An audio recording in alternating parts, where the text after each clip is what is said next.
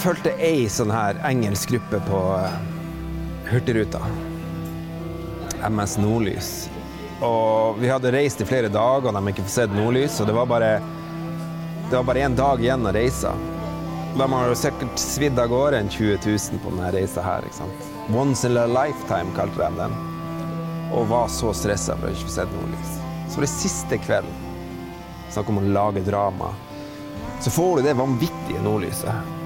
Og du, da står du der blant 400-500 turister på dekket på en av de største skipene i, i Hurtigruta, og voksne mennesker gråter. Det sier litt om at det er ganske intense greier for, uh, for mennesker. Det er meningsfulle opplevelser. Turistindustrien er basert på følelser, hevder Kristian Ekland, som i dag er ansatt som næringsutvikler i Lavangen kommune. Han eh, vet hva han snakker om. Kristian har en doktorgrad fra reiselivsforskninga ved UiT, Norges arktiske universitet, og har forska på økt industrialisering av turistindustrien, og hva dette gjør med opplevelsene og følelsene. Hvorfor reiser du en plass? Hva er det som driver deg? Um, når du kommer til den plassen, og du har gleda deg til å komme dit, så skal du gjennom en eller flere opplevelser. Og for meg så er de her opplevelsene det er hjertet av turisme. Det er grunnen til at vi har turisme. ikke sant? Du sitter i sofaen og blir på en måte ja, interessert i nye kulturer, mat, lysfenomener som nordlys etc. Eh, så folk har masse forskjellige grunner. Men hvordan er selve opplevelsen? Så på et vis er emosjoner kanskje den viktigste du kan studere innenfor turistforskninga. For at igjen, hvis jeg sier at opplevelsen er sjela eller hjertet av turismen, så er kanskje emosjonene selve motoren.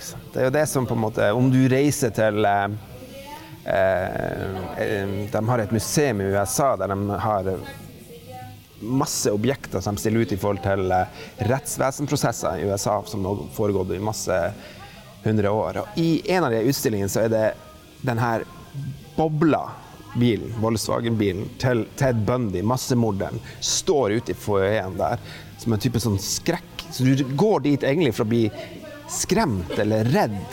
Så folk har forskjellige motiver for å føle. Noen vil ligge på ei strand og ha velbehag og glede og nippe til rødvin.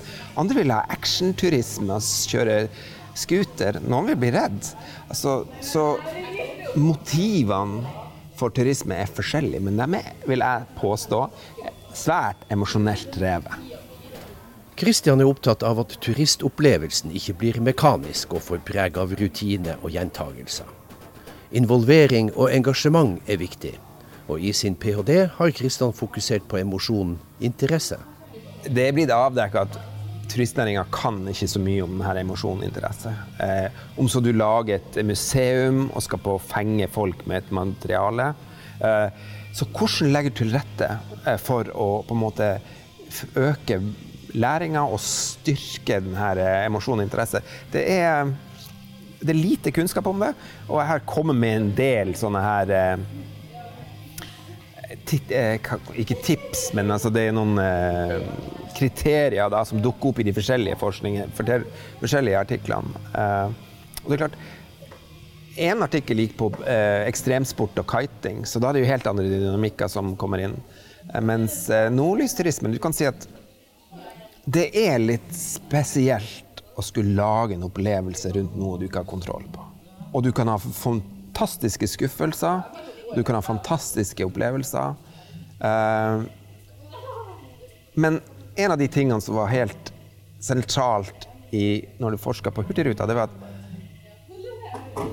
vi er for dårlige til å fortelle historier om regionen, fortelle historier om hvor du er, hvilket landskap du er i.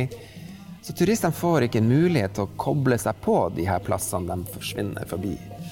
Um, og at uavhengig om de ser nordlys eller ikke på denne turen, så må du tenke på at på slutten av turen så bør du ha en, en, en skikkelig høydere av en opplevelse. For det viser seg sånn at vi har et minne som er litt sånn det siste av som skjer i en sekvens, er det du husker best.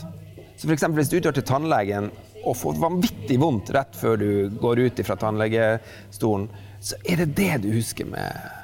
Men hvis han påfører smerten midt i, og så gir deg en positiv opplevelse på slutten, så husker du eh, tannlegebesøket som mye mer positivt. Og det er ganske viktig, det der. For det med minner bidrar til gjenkjøp, eller om du har lyst til å komme tilbake, eller om ditt bilde av Nord-Norge eller ikke er positivt eller ikke. Og man er for dårlig til å rett og slett, hva vi skal kalle, organisere opplevelsene på en uh, gjennomtenkt måte. Så det er veldig mange viktige elementer innen forskninga som på en måte er, er for dårlig. Husk at nordnorsk vinterturisme er ungdommelig. Den har bare eksistert i litt over ti år. Og som ung vinterdestinasjon med eksplosiv vekst er det viktig å se seg rundt og lære. Mange populære destinasjoner som Barcelona, Venezia og Island har opplevd at ukontrollert vekst utfordrer destinasjonens bærekraft i form av sterk industrialisering.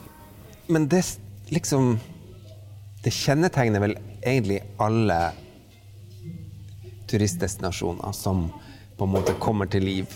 Eh, det at man ønsker en industrialisering. Hvis du spør næringa, så ønsker næringa industrialisering. For industrialisering er en måte å effektivisere drifta på, og du får masse kunder på. Eh, det er mer økonomi i det.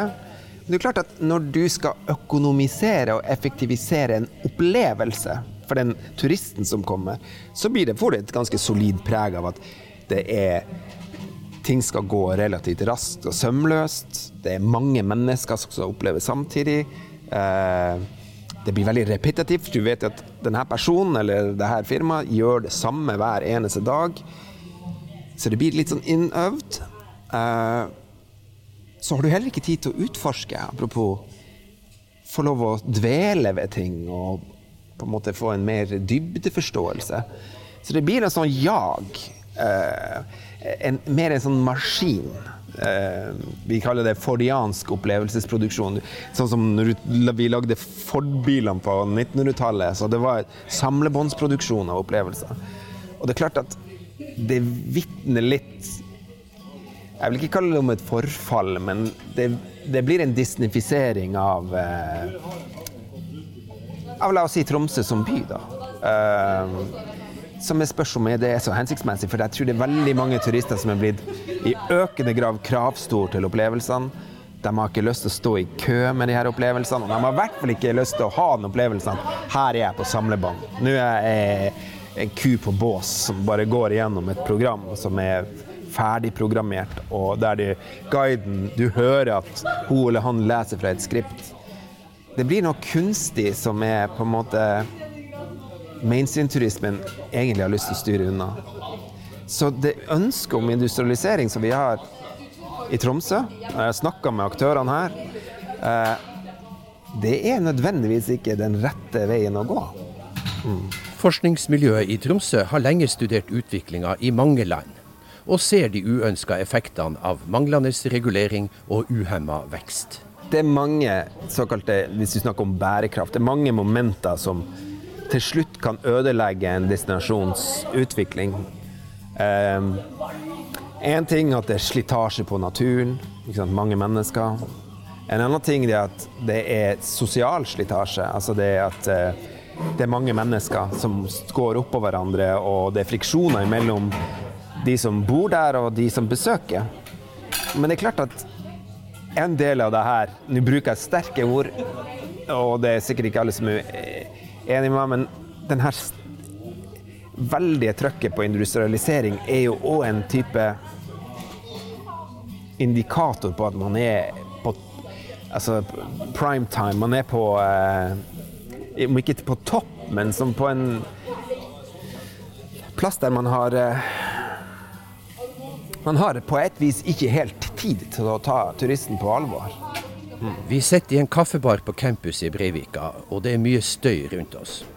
Men uh, dette affiserer ikke Kristian mye, og han er ivrig og engasjert når jeg spør hvem som har, eller skal ta, ansvaret for at reiselivet gjør sine ting på riktig måte. Vi har jo noe som jeg, jeg, har vært stolt av å ta del i. Ehm, det er en såkalt klyngesamling som kaller seg sjøl for Arena lønnsomme vinteropplevelser. Her har du kommer forskerne, her er næringsaktørene, og her er kommunalt og fylkesansatte som driver med eh, regulering og sånne type ting. Så kommer man sammen og snakker i lag om ting. Og en av de stiligste eh, si, høydepunktene i min karriere da jeg var på, jeg var på et sånn her, eh, en sånn klyngesamling hvorpå forskerne var og forklarte viktigheten av det her med Eh, økologisk bærekraft, at vi tar vare på naturen. det var midt oppi det her med hvalhysteriet i, Tromsø, der du hadde cowboyer altså for å kjørte båter i, inni og oppå hvalene. Så kom altså eh, flere representanter fra turistnæringa og hadde på en måte veldig mye mer hårete mål enn det turistforskerne hadde på akkurat det her med økologisk bærekraft. Og da blir jeg litt lykkelig. For hvis vi klarer å få si, grønt entreprenørskap, der aktørene sjøl tar ansvar for både naturen, kulturen, men også har et sterkt kvalitetsfokus på opplevelsen sin, så tror jeg vi er på en, en trygg og god plass i forhold til uh, utvikling. Og jeg er i hvert fall foreløpig litt optimistisk på at den gode samsnakkinga man har mellom forskere, aktører og si, kommunale og fylkesansatte, kan bidra til at vi utvikler oss i, i rett eh, retning. Det hjelper ikke på å lage en plan som skal alle sammen følge, men vi må snakke i lag over tid.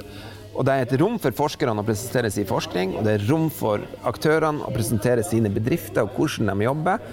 Så kan man senere sitte og snakke på hvordan man kan ta steg videre. Og de her arenaene mener jeg er kjempeviktig. Mm. Jeg kan bruke et eksempel fra Svalbard, der jeg syns de gjorde en veldig god jobb med gruppa. Da kommer du inn som en gruppe, og det er en gruppe som ikke kjenner hverandre. Så sitter du på en buss og skal du kjøre Du, du skal ut i adventsdalen, du skal kjøre hund, hundeslede. Og så er det tidlig på morgenen, klokka er vel sju eller noe sånt, og alle er dødstrøtte. Og det er helt stille i bussen. Og du kommer ut der, og det første som møter deg, det er vel en 300 huskyhunder som blir så jeg kaller det glad og oppspilt over å se mennesker at de har aldri vært borti et sånt skrål før. Og hundene oser glede og sånn, så det, det er klart det, det preller av også på oss. Eh, oss mennesker. Det var en veldig sånn fint møte. Men så starter den opplevelsen med å by på frokost og fortelle litt om landskapet man skal inn i. Og historien om William Barents, og at du sitter i en replika av William Barents-hytta. Så du får knytta de her historiene til det du skal gjøre. Det var en veldig elegant og fin måte å, å, å starte på. Og så tar han med oss, denne gruppa, på en tur som han har vært, og hva han så isbjørn og litt sånn her, og hvordan du styrer den sleda. Så du fikk en sånn veldig fin overgang der du eh, blir kjent med området, og lærer deg sånn teoretisk hvordan du skal styre den sleda. Og så du, går vi ut etterpå, delt opp i to og to for hver sin slede, og så skal vi kjøre ut i, i eh, landskapet. Eh, og så kommer du inn i landskapet, og da gjenkjenner du flere av de tingene vi har snakka om før. Ah, der er den! Da var det han som var inne der, og de hadde jakt. Jo, da kan du knytte ting til. Hvis ikke så har du bare kjørt rett forbi, ikke hatt noe peiling.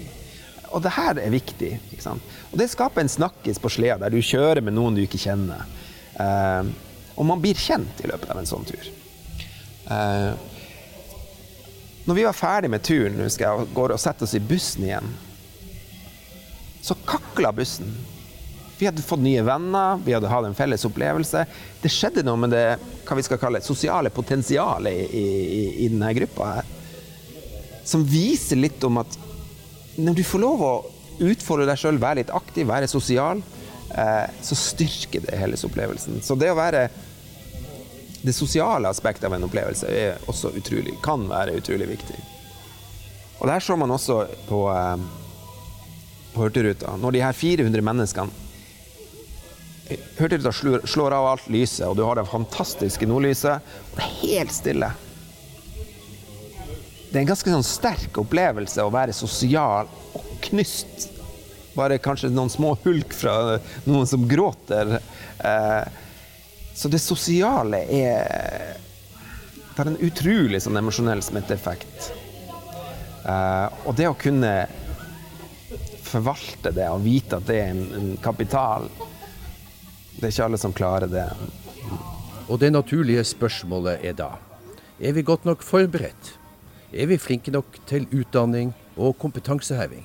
Vi har jo I Alta så har man jo opplevelsesproduksjon på, som et, et fag. I, som du er mulig å ta et årsstudium og få det med. Um, videre så har man jo konsulentselskaper med varierende grad av eh, kompetanse. Mimir er en av de mest kjente. Som driver og har kursing av de forskjellige bedriftene. Så det foregår jo en kursing av mennesker på de her eh, bitene. Personlig så skulle jeg ønske at universitetet tok seg av kursinga, og ikke et eh, konsulentselskap som ikke har forskningskompetanse. Um, og jeg tror det er faktisk en ganske sterk eh, etterspørsel. Jeg opplever når jeg nå har flytta meg fra forskerstillinga ut i på en måte å jobbe med markedet og aktørene, at det er veldig få aktører som forstår hvem som kan. Hvem som kan om det her. De vet ikke navnene på de som kan. Så veien ifra si, marked til universitet virker veldig, veldig langt. Det å finne fram til universitetet kan være Men hvem i universitetet er det som kan om det? Uh, og så tenker jeg at det er sårbart, syns jeg personlig, med de her konsulentselskapene som kommer med sin De lager jo et show for å tjene penger, de må, på et vis. Uh, og de refererer jo til forskning, men de sjøl er ikke en del av det her forskningsmiljøet. Og det syns jeg er litt kritisk, for at det er, det er en av de viktigste næringene vi har i Norge. Um, og derfor mener jeg den her triangelet man har klart å få til i Tromsø med, med, med Arena lønnsomme vinteropplevelser, er hensiktsmessig. For da er forskerne, i hvert fall når jeg var der, hver eneste gang å legge fram forskninga si. Og det skaper kontakt med, med ja, imellom de forskjellige aktørene. Jeg har flere ganger blitt folk som har kommet etter jeg hadde hatt mine fremlegg der som lurer på ting, og kan jeg komme og besøke dem, og, eller Så bare få det kontaktnettet, så du vet hvem som kan. Hvem som bryr seg om det feltet som er relevant for deg. Kunne universitetet gjort mer og tatt større ansvar for å, å ta tak i dette? Jeg syns med fordel at Universitetet i Tromsø kunne ha fronta turistforskninga si enda mer. Vi er Nå skal jeg være forsiktig med å være for partisk. Kanskje en av Nordens fremste forskningsmiljø i Tromsø, Alta, på akkurat det her med turisme. Um, så uh, Men selvfølgelig bedre markedsføring osv. Men jeg vil også gi kred til uh, Arvid Viken og miljøet rundt uh, for sin ganske progressive interaksjon med, med, med markedet og med aktører. Eh, vi har skapt gode dialoger til aktører. Vi deltar årlig på Arena lønnsomme vinteropplevelser, og jeg tror vi har gjort en del steg der. Eh, så akkurat med turistforskning syns jeg vi er ganske flinke. Og jeg tror at de fleste som jobber aktivt med turistforskning nå, kjenner de fleste aktørene i Nord-Norge, som i hvert fall er av en viss størrelse. Så vi kjenner hverandre nå. Mm. Og til slutt har professoren, eksforskeren og næringsutvikleren en liten oppfordring til reiselivsaktørene i nord. Og så må Så er det kanskje Jeg er veldig forsiktig med hva jeg sier nå. Jeg tror nok kanskje noen miljøer trenger kompetanse nok til å forstå at de trenger universitetet. Eh, og der kan det være at noen plasser i Norge er man mye, mye dårligere enn i Tromsø. Mm. Sånn byrivalisering og regionrivalisering og litt sånne ting oppi det hele. Jeg tenker ikke lage noe nummer. Nei, jeg er usikker på Men jeg registrerer nå bare at det er veldig forskjellige praksiser forskjellige plasser. Jeg har veldig stor trua på de her møteplassene man har klart å etablere i Tromsø. Måtte de utvikles og bli enda bedre. Og jeg tror det også er ei ledestjerne for mange andre plasser i eh, Nord-Norge der man trenger Jeg vil si at Alta og Tromsø, pga. at vi har reis, sterke reiselivsmiljø i begge, eh, og Arvid Viket, som er professor eh, eh, her i Tromsø, han har relasjoner på begge plassene, som gjør at jeg vet ikke, Man får kanskje en helhetlig måte å jobbe der på, der folk og forskere er ganske fremoverlent. Og jeg tror kanskje ikke det er sånn i mange andre byer i Nord-Norge.